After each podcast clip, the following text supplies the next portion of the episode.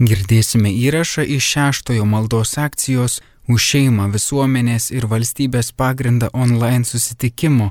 Šiame susitikime dalyvaus kardinolas Sigitas Tamkevičius.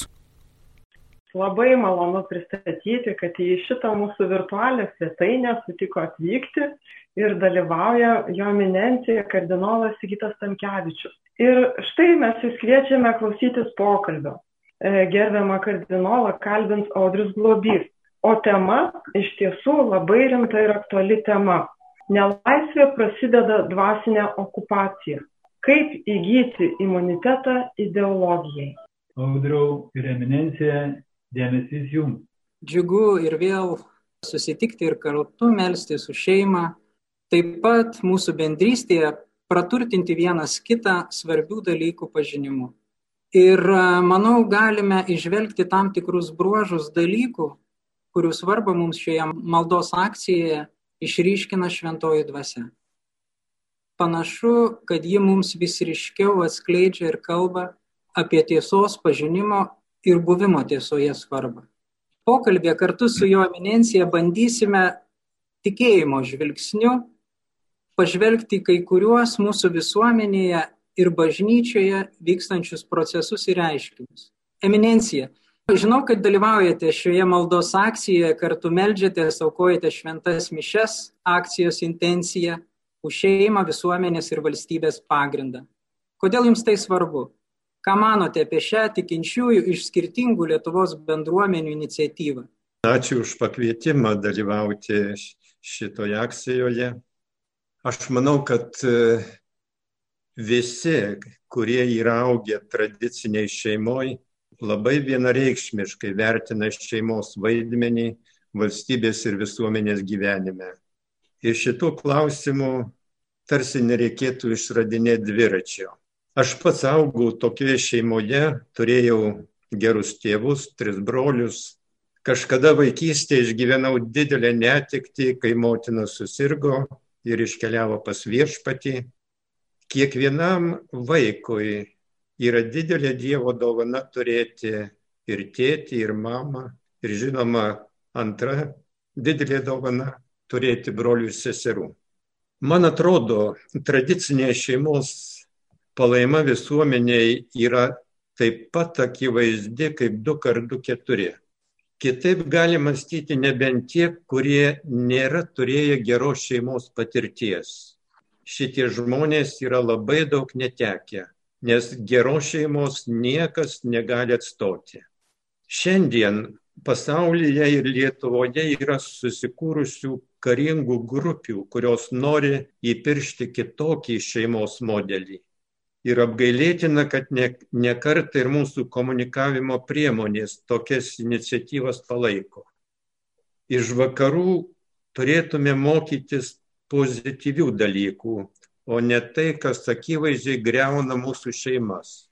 Todėl šitą akciją už šeimą visuomenės ir valstybės pagrindą palaikiau, palaikau ir labai norėčiau, kad ji kokią nors formą tęstųsi.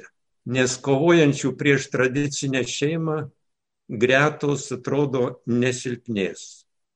Apgailėtina, bet tos gretos daug palaikymo sulaukė net iš ES institucijų.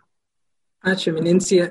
Vatikano antras susirinkimas savo dokumentuose šeimą įvardina kaip namų bažnyčią. Popiežius Šventasis Jonas Paulius II savo enciklikoje Familiaris konsorcijo rašo, kad šeima kuria bažnyčią. Turbūt iš tiesų šeima yra ne tik visuomenės ir valstybės pagrindas, bet kaip moko ir mūsų bažnyčia, yra ir bažnyčios pagrindas silpninant šeimą yra silpninamas ir bažnyčios pagrindas. Viskas turbūt yra tarpusavį labai labai susiję. Tikrai taip. Dauguma mūsų tikintieji krikščionys, taip pat ir kitų konfesijų nariai, savo tikėjimo pagrindus esam gavę šeimose iš savo tėvų. Va, buvau visiškai mažas vaikas ir dar apie tikėjimo reikalus nieko neišmaniau. Prisimenu, kaip iš bažnyčios sugrįžus motina pasakydavo, kad jos širdėje atėjo ir gyvena Jėzus. Ir tuomet nesupratau, kaip jis galėjo ateiti. Tik vėliau tapo aišku, kad motina buvo prieimus švenčiausią sakramentą. Gegužės ir spalio mėnesį visa šeima draugė kalbėdavo Marijos litaniją ar, ar rožinį. Kiekvieną vakarą prieš miegą visi melsdavomės. Turėdamas šešerius metus, tėvų paragintas, pradėjau lankyti katekizmo pamokėlės. Nemaža problema būdavo einant iš pažinties, kai nepasiekdavau klausyklos langelio.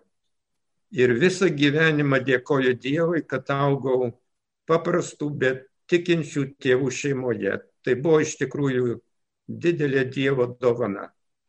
Bažnyčia, nors yra Kristaus įsteigta, bet ji gyvuoja ir veikia pasaulyje, pasinaudodama ne tik Dievo gale, bet ir savo narių pagalba. Bažnyčios bendruomenė šiandien turi nelengvų iššūkių.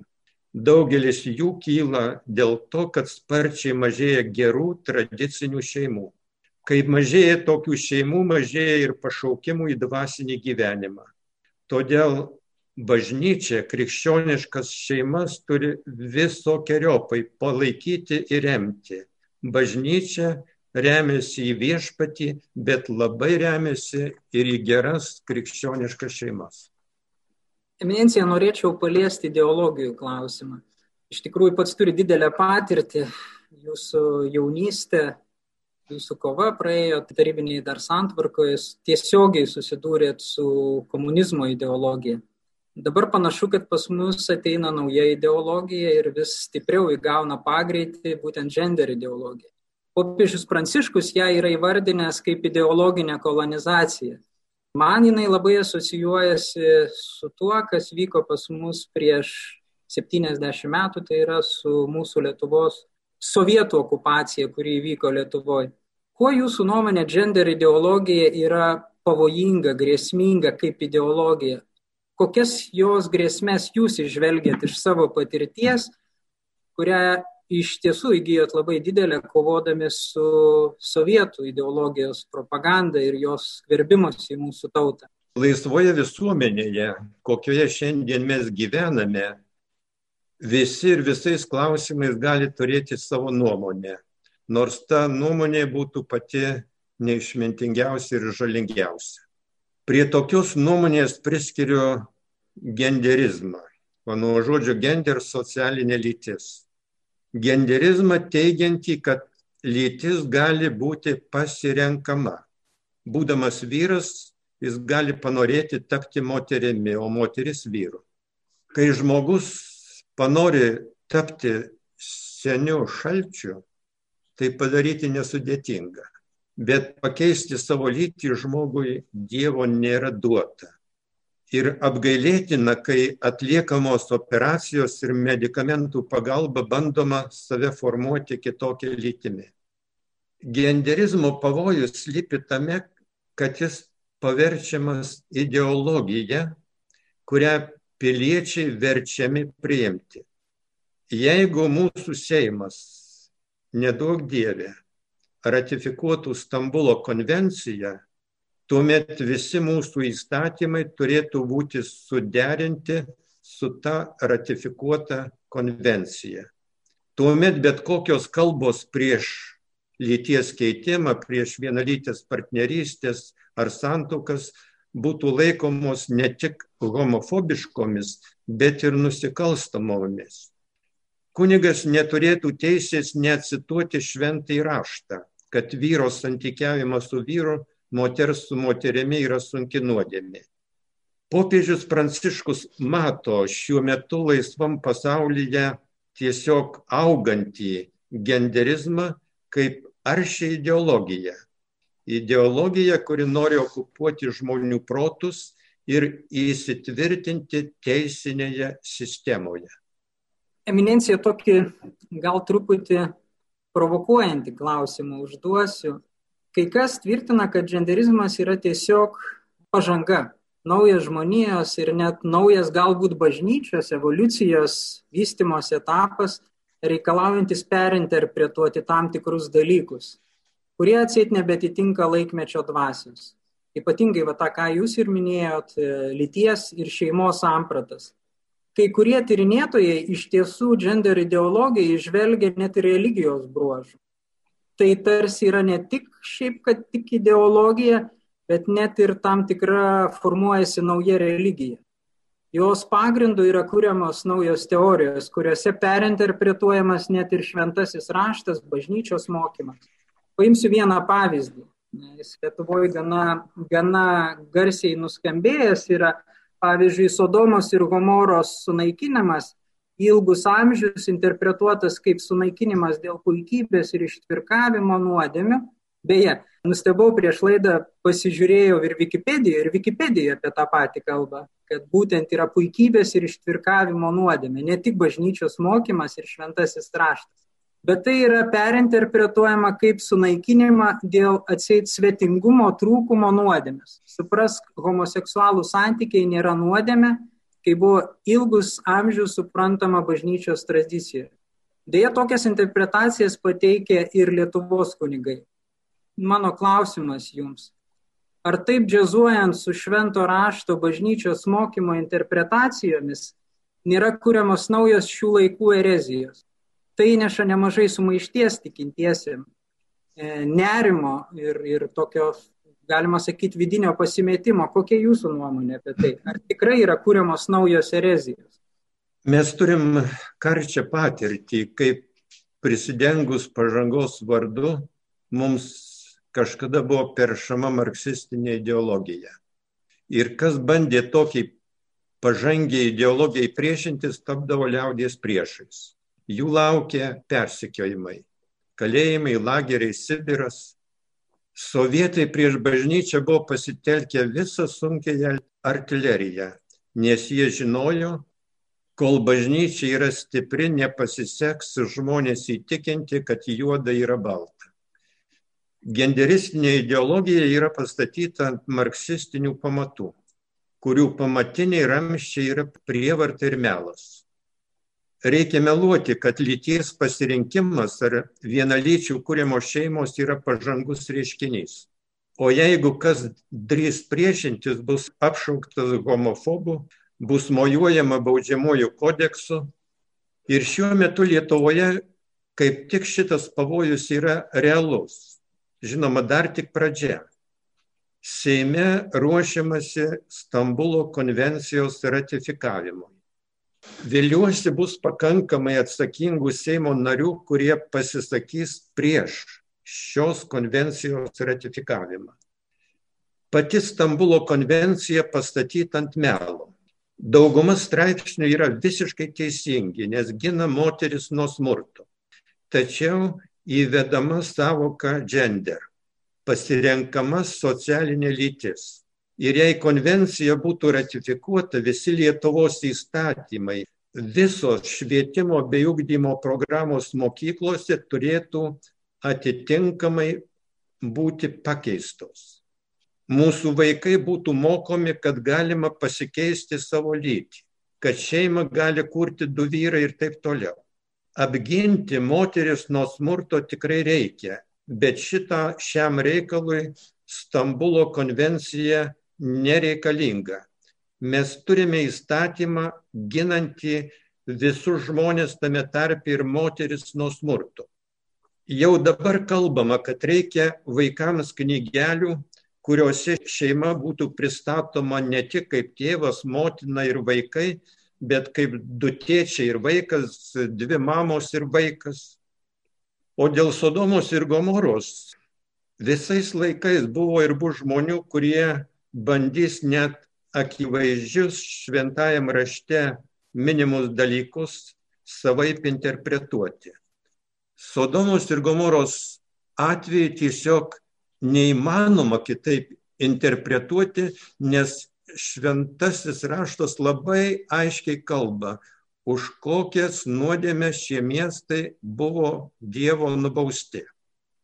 Žinoma, ne visada tie, kai šventai raštą interpretuoja, ar ten kunigai, ar ne kunigai, ne visada būna erezija, tiesiog būna išmetamos neišmintingos mintys ir, ir žinoma, žmonės yra klaidinami. Nes kai kalba kunigas, tai automatiškai žmogus linkęs tikėti, kad jis kalba tiesą, tai kas autentiška. Galiu tik apgailestauti visus atvejus, kur, kur kunigai liaudiškai kalbant nusišnek. Eminencija, noriu pakalbėti, prieėm prie tos temos nuodėmės, pacituosiu bažnyčios katekizmą. Nuodėmės atveda visuomenį į tokią būklę, sukuria joje tokias institucijas, kurios prieštarauja Dievo gerumui. Nuodėmės struktūros yra asmeninių nuodėmė išraiška ir vaisius. Savo aukas jos taip pat įtraukia į, tą, į blogus darbus. Analoginė prasme, jos tampa socialinė nuodėmė. Eminencija, mano toks klausimas būtų, ar įstatymai, kuriais visuomenėje yra įteisinamos nuodėmės, pavyzdžiui, abortai, homoseksualų santykiai, embrionų naikinimas, narkotikų vartojimas, visą šią paletę dabar turim programą ir panašiai, nėra ideologijų įrankis nujautrinti visuomenės narių sąžinę pačiai nuodėmės pajautai. Dėl ko visuomenėje formuojasi bažnyčios katekizme įvardintos nuodėmės struktūros, įtraukiančios į nuodėmę vis didesnę visuomenės dalį Ir tokiu būdu, kaip ir kalba katekizmas, tampa socialinė nuodėme, naikinančia ir tikėjimą visuomenį. Įstatymai nujautrina žmonių sąžinės, kad jie nebejaustų nuodėmės ir tuo pačiu apmiršta mūsų visuomenėje tikėjimas. Mes tą labai gerai matom dabar vakarų pasaulyje, kur tie procesai yra pažengę stipriai į priekį. Nujautrintos žmonių sąžinės ir mašta tikėjimas, jis miršta. Ar nėra tai susiję ir toks yra vienas iš tikslų, galbūt net ir vienas pagrindinių tikslų ideologijų? Blogai, kai propaguojami abortai vienalytės santokos lyčių keitimas. Internete viena po kitos jau pasirodė specialios laidos skirtos abortų pateisinimui. Berots jau pastaruoju metu dvi mačiau. Kritikuojami krizinio neštumo centrų žmonės, kurie bando atkalbėti moteris nedaryti abortų. Šios laidos skirtos smegenų plovimui, ypač jauniems žmonėms. Tačiau blaiviai mąstantieji nesunkiai gali atsirinkti, kas yra kas. Tačiau kur kas blogiau, kai priimami įstatymai, o panašus į Stambulo konvenciją ar reprodukcinių teisių įstatymą, kurie tiesiog nukreipti prie žmogaus prigimtį tuomet bus lengviau įtikinti, kad nesiskaitimas su žmogaus prigimtimi nėra kažkoks blogis, o visiškai natūralus, gal net pažangus dalykas. Įstatymas žmogaus sąmonėje yra įtvirtinęs nuostatą, kad jis visuomet gina bendrai gėrį. Tai, kas visuomenė yra šventa ir naudinga. Tokiu būdu nujautrinamos sąžinės, juk bus lengviau save pateisinti. Jei pasirenkama lyti ar negimusios gyvybės žudimą gina įstatymas, reiškia tai normalu ir gera. Tokiu būdu žengiamas labai pavojingas žingsnis tiek bažnyčiai, tiek visai pilietiniai visuomeniai. Pabandysiu pacituoti šventą įraštą, priminti apie tai, ką mums kalbėjo viešpats. Ir čia iš Evangelijos pagal Joną, aštuntam skyriui yra tokie žodžiai, mes apie juos jau ir, ir kituose susitikimuose kalbėjom, kad jūs pažinsite tiesą ir tiesa padarys jūs laisvas. Kiekvienas, kas daro nuodėmę, yra nuodėmės vergas. Iš tiesų, žydai troško išsivaduoti iš tuo metu jos slėgusios Romos imperijos vergyjos ir laukia iš jos išvaduosiančio mesijo. Jėzaus, kuris jiems kalbėjo apie vergyją nuodėmį ir atidavė savo gyvybę, kad iš šios vergyjos juos išlaisvintų, jie nepripažino. Eminencija, ar nesame ir mes dabar panašiame suvokime įkalinti, esame tarsi visą savo egzistencijos dėmesį sutelkę, kaip apsisaugoti nuo išorinių grėsmių, Rusijos agresijos, ekonominio nuosmukio, mūsų ištikusio koronaviruso. Nesakau, kad tai nėra svarbu tai iš tiesų yra labai svarbu saugotis nuo šitų dalykų, bet ar tuo pačiu nepraradome budrumą grėsmiai mūsų visuomenę pavergiančiai iš vidaus? vis labiau tarsi prarandame imunitetą nuodėmį. Silpsta mūsų imunitetas visuomeniai nuodėmį, iš kurios mus išvadavo didžiulę kainą sumokėdamas Jėzus. Kaip viešpat sako, manomės esę laisvi, bet vis labiau tampame nuodėmės vergais. Ar nematot paralelių? Mes tarsi nusikreipę į išorę, o viduj vėl tarsi nepastebim to, kas vyksta su mumis. Jūs labai tiksliai įvardijo dabartinę padėtį. Mes labai daug kalbam ir girdim apie galimą agresiją iš rytų. Dabar labai daug kalbama apie koronaviruso pandemiją ir mažai kalbama apie esminės bėdas. Dvasinis žmogaus pavergimas visuomet yra baisesnis, pražutingesnis už bet kokias pandemijas ir fizinės grėsmės. Beveik 50 metų mes buvom okupuoti, bet išlikom tikinti tauta, įsaugojom laisvės troškimą, o tai, kas dabar vyksta, tas dvasinis žmonių pavergimas, jis grasina iš mūsų atimti pačius švenčiausius dalykus. O štai, pasaulyje bendras mirčių skaičius nuo COVID-19 šiuo metu perkopė 2 milijonų ribą. Tai tikrai daug. Bet pasaulio sveikatos organizacijos duomenimis kasmet padaroma maždaug 50 milijonų abortų per metus. Nuo pandemijos 2 milijonai, čia 50. Čia yra blogiau už pačią baisiausią pandemiją. Esame akivaizdo šito pavojaus. Ir manau, ką galime viską turime padaryti, kad, kad tas iš vidaus grėsintis dvasinis pavergimas mūsų palies, bet kad jis paliktų kuo mažesnę žalą. Eminencija, noriu pakalbėti apie mūsų bažnyčią, apie jos būvį. Per visą savo egzistencijos laiką iš tikrųjų Romos katalikų bažnyčia save suvokė ne tik kaip karitas vykdytoja bei meilės kelbėja, bet taip pat, kaip ir moko bažnyčia, eklezija militans. Tai yra kovojančia bažnyčia. Liuviso žodžiais tariant, krikščionybė visada buvo kovojanti religija. Ir šis karo laukas apėmė visą jos būti. Kova už tiesą, kova prieš vergovę tam tikram laikotarpį istorinėme, kova su eretikais, kova už meilę, kovos būvis. Mano klausimas būtų toks, ar netampa katalikų bažnyčia šiame laikmetyje vis labiau sukaustyta kažkokio abejingumo, vidinės tarsi abejonės dėl tiesos, tarsi kovojanti bažnyčia išskydusi bažnyčia, atsiribojusi bažnyčia. Gal tokie skaudų žodžiai, bet, nu, tikrai mes galim tą pajausti. Tarsi bijanti tiesos, kad tik nesukonfliktuotų su kitaip manančiais. Kovojanti bažnyčia.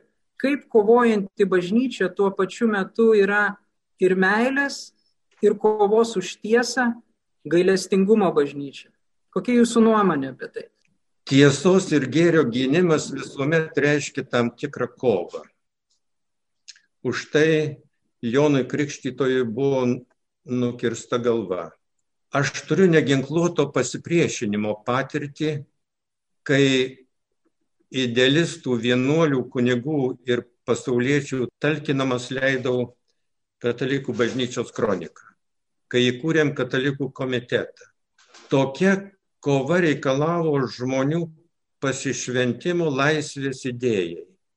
Šiandien galvoti, kad be panašaus pasišventimo apginsim šeimą, būtų daugiau nei naivu. Pavojus įsipatoginti, kad niekam neužkliūtum, yra labai realus. Sovietmetį toks įsipatoginimas buvo kolaboravimas su KGB struktūrom kolaborantams dvasiškiams daug kas buvo leidžiama, ko kiti mirtingieji negaudavo. Aš pats nekarta buvau gundomas taip pat kolaboruoti su KGB. buvo žadama pagalba ir viliojančios perspektyvos. Studijos Romoje, prestižinė parapija Kaune, o lagerį lengvesnis kalinio gyvenimas. Dabartiniu metu tiek bažnyčios žmonėms, tiek visai visuomeniai brukama nauja ideologija apie socialinę lytį, apie vienalytės partnerystės bei santuokas. O kas bando priešintis, apšaukiamas kalbančių neapykantos kalba, neatsikračiusius stereotipinio mąstymo, kaltinamas tolerancijos toka. Esant tokiam spaudimui, kuris su metais tik didės, yra realus pavojus tapti politkorektiškais. Tai didelė pagunda, kuri reikia atsilaikyti. Žinoma, nebūtina akcentuoti, kad mes prieš kažką kovojam. Mes nekovojam, bet aiškiai stovime Evangelijos pusėje. Aiškiai, tvirtai stovime Evangelijos pusėje. Tai ir yra kova. Man kartais atrodo, kad mūsų silpnumas yra būtent mūsų tikėjimo nusilpime Ir toks susidaro įspūdis, kad e, mūsų tikėjimas tampa toks tarsi sekuliarus kultūrinis tikėjimas, prisitaikantis prie pasaulio ir taip savyje prarandantis tam tikrą tokią dvasios jėgą. Tampantis anot Evangelijos išsikvėpusią prarandančią surumą druska, kurią pasaulis tiesiog trypia po kojomis. Eminencija, kas jums padėjo išlaikyti tą tikėjimą, tą dvasios jėgą? pagunda prisitaikyti prie pasaulio visuomet buvo aktuali ir aktuali ir šiandien. Niekas nuo šitos pagundos nėra apsaugotas. Tikintis žmogus visuomet turi atminti, ką Jėzus kalbėjo apie būsimų jo sėkėjų santykį su pasauliu. Cituoju. Jėzus kalba, aš jums tai kalbėjau, kad manyje atrastumėt ramybę pasaulyje jūsų laukia priespauda, bet jūs būkite drąsūs, aš nugalėjau pasaulį. Labai pavojinga bijoti pasaulio, nes tuomet būname stipriai gundomi prie jo prisitaikyti. Kas man padėjo, kai mane nuvežė į Mordovijos lagerį, visą dieną reikėjo dirbti, vakarus turėjau laisvus tuo metu, kai mano draugai kaliniai žiūrėdavo televizorių, aš vaikščiodavau po lagerio teritoriją ir kalbėjau keturias rožinio dalis. Man atrodo, kad tai buvo ginklas, kuris padėjo. Jis padėjo ir tada, kai, kai kroniką leidau, tada, kai, kai buvo tardymai ilgi sunkus, kol žmogus medžiasi, kol, kol jis palaiko ryšį su viešpačiu, išlieka tvirtas. Viešpats savo sekėjų nepleidžia. Ačiū, Minencija, už, už pastiprinimą ir už, už ginklus, kuriuos, kuriuos mums nurodot. Pabaigai, Minencija, tokį klausimą. Tuot panašu, kad istorijos ratas apsisuko. Ir nauja karta Lietuvoje vėl patiria savotišką laisvės išbandymą. Jūsų karta patyrė, praėjote per tikrai ypatingą brutalų laikotarpį sovietinę okupaciją, tiesiogiai susidurdamas ir priešindamasis tas. Panašu, kad nauja karta vėl su kažkuo tokiu susiduria, naujos ideologijos. Baigėsi ši mūsų 40 dienų maldos akcija, kuri yra tarsi Jėzaus išėjimas maldai ir pasninkų į dykumą, cituojant Evangeliją prieš savo misijos pradžią. Viešpats pasitraukė į dykumą po krikšto, meldėsi, pasininkavo, buvo gundomas ir po to prasidėjo jo misija. Retorinis klausimas. Gal mums teks užsibūti dykumoje ne 40 dienų, bet 40 metų, kaip žydam, kurie negalėjo įeiti, išėję iš Egipto, perėję per dykumą negalėjo įeiti pažadėtąją žemę ir 40 metų klaidžiojo po dykumą, kol susiformavo drąsi ir gebanti įžengti pažado žemę tauta. Kokia jūsų nuojauta, eminencija? Ar užteks mums 40 dienų, Ar vis tik patartumėt nusiteikti 40 metų klaidžiojimo po dykumą? Laisvė nėra Dievo dovana, kurią gavę galime miegoti. Už laisvę reikia nuolatos kovoti. Tie 40 metų, kuriuos izraelitai praleido dykumoje, reiškia, kad į laisvę mes turime eiti ne 40 dienų ar 40 metų, bet per visą gyvenimą. Ne 40 metų, bet per visą gyvenimą. Kol gyvename žemėje, mes einame per dykumą, o dykumoje galime susitikti su Dievu, kaip susitiko Mozė, bet dykumoje galima maištauti, kad kažko trūksta galima net pasidirbdinti kokius nors stabus, kaip tai padarė izraelitai Mozei užtrukus ant Sinajaus kalno. Dykuma yra laisvės ir gundimų vieta. Dievo ištikimybės ir mūsų abejonių, meilės ir ginčių, ėjimo ir suklupimo vieta. Tai žmogiškos egzistencijos vieta, kurioje daug visokių Dievo dovanų ir daug įvairių mūsų išdavyščių. Dykuma yra žaizdras, kuriame Dievas formuoja žmogų. Šioje dykumoje žmogus yra priverstas rinktis tarp mirties ir gyvenimo, tarp nepasitikėjimo ir pasitikėjimo. Taip kad e, būkim visi nusiteikę ne 40 metų, bet per visą gyvenimą eiti per dykumą ir kad toj dykumoje matytume Dievo veidą. Ir viskas bus gerai. Ačiū, Eminencija, ačiū už pastiprinimą. Turite, Eminencija, didelę patirtį, priešinotės e, komunizmo ideologijai, pogrindyje leidote kroniką, ilgą laiką buvote ir e, toliau esate mūsų ganytojas. Kokį patarimą galėtumėte duoti maldos akcijos bendruomeniai šiam susitelkimui ir maldai einant į pabaigą? Jūs jau vieną iš jų davėte. Jeigu ši akcija už šeimą pasibaigtų su vasario 16-ąją, tai būtų to lygu, jei sovietmetį būtų išleistas kronikos vienas numeris. Ši akcija turi tapti nuolatinė. Taip kaip kasdien kalbamas tėvė mūsų. Mums reikia ieškoti būdų, kaip galėtume efektyviau apginti šeimą. Ką galėtų padaryti dvasiški, o ką pasauliečiai nes apginsim šeimą, apginsim valstybę ir bažnyčią. Jei šito nepadarysime, mūsų laukia liūdna ateitis. Genderizmas yra šeimai pavojingiausia pandemija, kartoju. Ir daug dievė, kad jos plėtimas būtų pristabdytas. Ir reikalingos jungtinės pajėgos reikalingi idealistai vyrai ir moterys, kurie nuolat mąstytų, kaip apginti šeimą ir neprarasti vilties net tuo met, jei būtų priimami ir blogi įstatymai. Anuomet kronikos sėkmės lypėjo tame, kad apie ją buvo susibūrę idealistai, kurie mylėjo Lietuvą, bažnyčią ir visiškai pasitikėjo Dievu ne savo išmintim, bet pasitikėjo Dievu. Dėl to jie nesobėjojo išsistatyti į didelius pavojus. Va tokių dvasiškių ir tokių pasauliečių reikia ir šiandien. Pažadu melstis, kad jų nepritruktumė. Ačiū labai eminencija už pokalbį, tikrai už įkvepiantį, už sustiprinantį ir, ir išminties tokį dvelgsmą. Turime jau keletą klausimų norėčiau vieną jums perskaityti. Kaip informuoti ir suvienyti visuomenę apginti šeimos vertybės? Kokia čia gali būti bažnyčios rolė?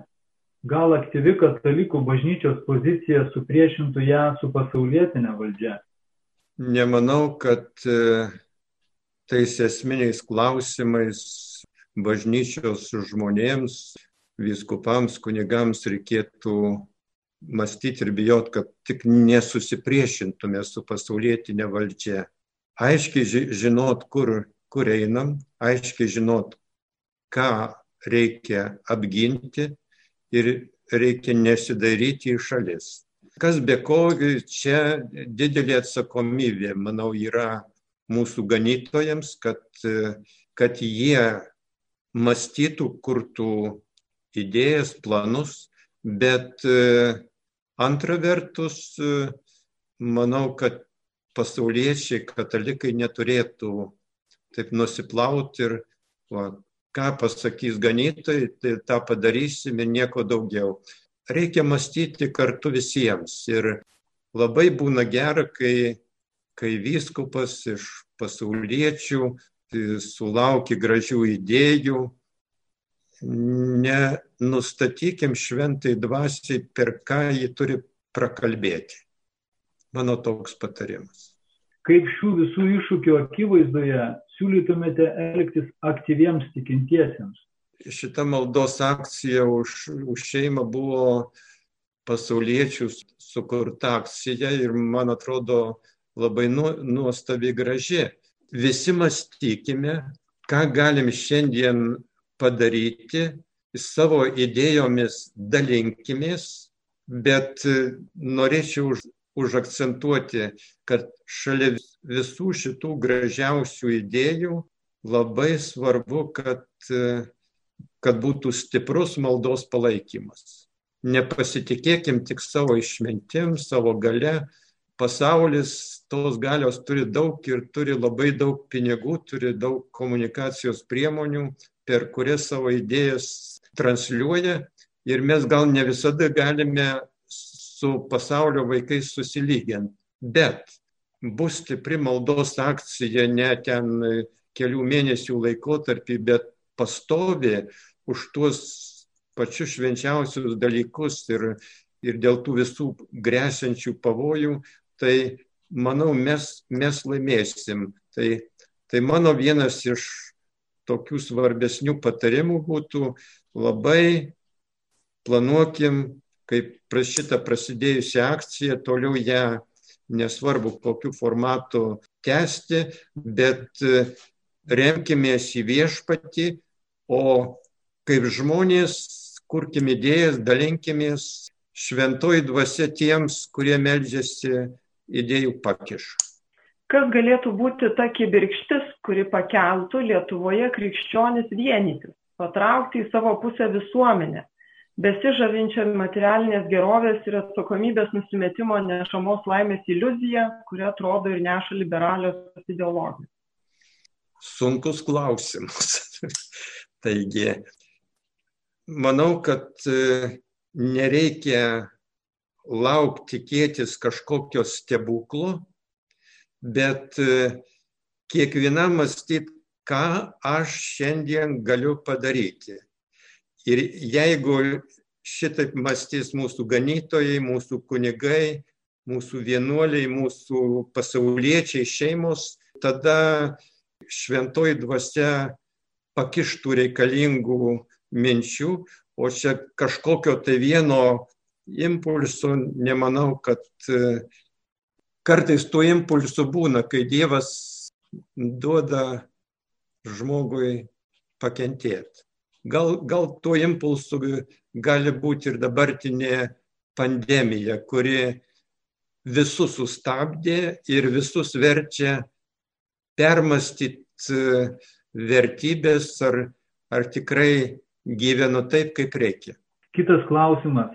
Ar gali kunigai ir vienuoliai jungtis į tokias judėjimus, kaip ši maldos akcija? demonstracijas už tikėjimą ir prieš įstatymus pažeidžiančius tikėjimo laisvės. Stambulo konvencijos netiesioginė pasiekmė.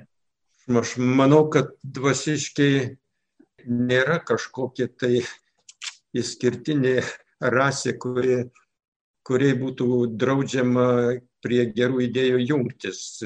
Geras idėjas visi turi palaikyti, o O šita akcija už šeimą tai yra viena iš geriausių ir pačių reikalingiausių idėjų, nepaprastai aktuali. Manau, kiekvienas dvasiškis, ar jis vyskupas, ar kunigas šitą akciją turėtų labai labai palaikyti. Ar jaučiate paralelės tarp sovietinės cenzūros ir dabar bandomos užgneušti žodžio laisvės? Sovietiniais metais viskas buvo žymiai aiškiau. buvo labai aiškiai matomas e, priešas ir tas priešas tiesiog nesimaskavo. Šiuo metu ta pati genderistinė ideologija, jie eina laisvės vardu, pažangos vardu, ji apsivilka tokiu moderniu drabužiu, kad e, daugelis pavojaus neižvelgia.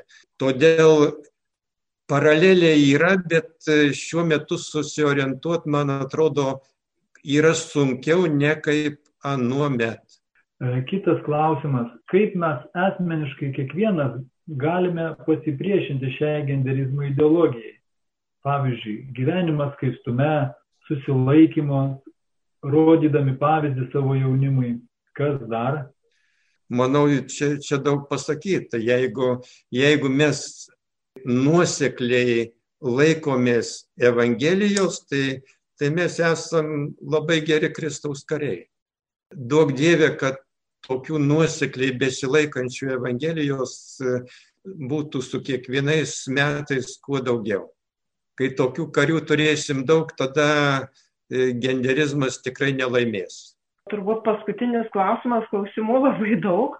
Taigi, ar e, buvo viskupų konferencijos kreipimasis raštu į Lietuvos Respublikos Seimą dėl Stambulo konvencijos nepriimtinumo Lietuvai? Jeigu ne, ar ketinama tokį teikti? Žinot, šitą klausimą reikėtų adresuoti pareigas einančius vyskupus. Aš nors kardinolas, bet esu emeritas. Manau, kad be šitoj vietoje nebejoju, kad kas nuo vyskupų priklauso, jie padarys viską, bet, bet vien tik kreipimasis padėties neišgelbės. Manau, kad čia reikalinga labai plati ir didelė akcija, kad mūsų Seimo nariai matytų, kad e, lietuviams šiandien ne tas pats, kokius priims įstatymus ar kokias ratifikuos konvencijas. Labai siūlyčiau, labai agituočiau, kad e, mąstytume ir kad mūsų Seimas labai girdėtų stiprų, galingą visuomenės balsą, katalikiškos visuomenės balsą. Ačiū labai, eminencija. Iš tiesų didelis džiaugsmas, kad sutikote ir dalyvavote e, šitą mūsų, nors ir virtualiam, bet tikrai labai tikram susitikime. Taigi, e, tęskime maldą už šeimą, tuo labiau, jog popiežius Pranciškus jau visai čia pat kovo 19 dieną Švento Juozapo šventėje kelbė šeimos metus. Taigi e, tai tampa na, pasaulio aktualija, pasaulio tikinčiųjų aktualija. Taigi būkime aktyvus, melskime maldą už šeimą. Girdėjome įrašą iš šeštojo maldos akcijos už šeimą visuomenės ir valstybės pagrindą online susitikimo. Tema - nelaisvė prasideda dvasinė okupacija - kaip įgyti imunitetą ideologijai. Kardinolas Sigita Tamkevičių kalbino Audrius Globys.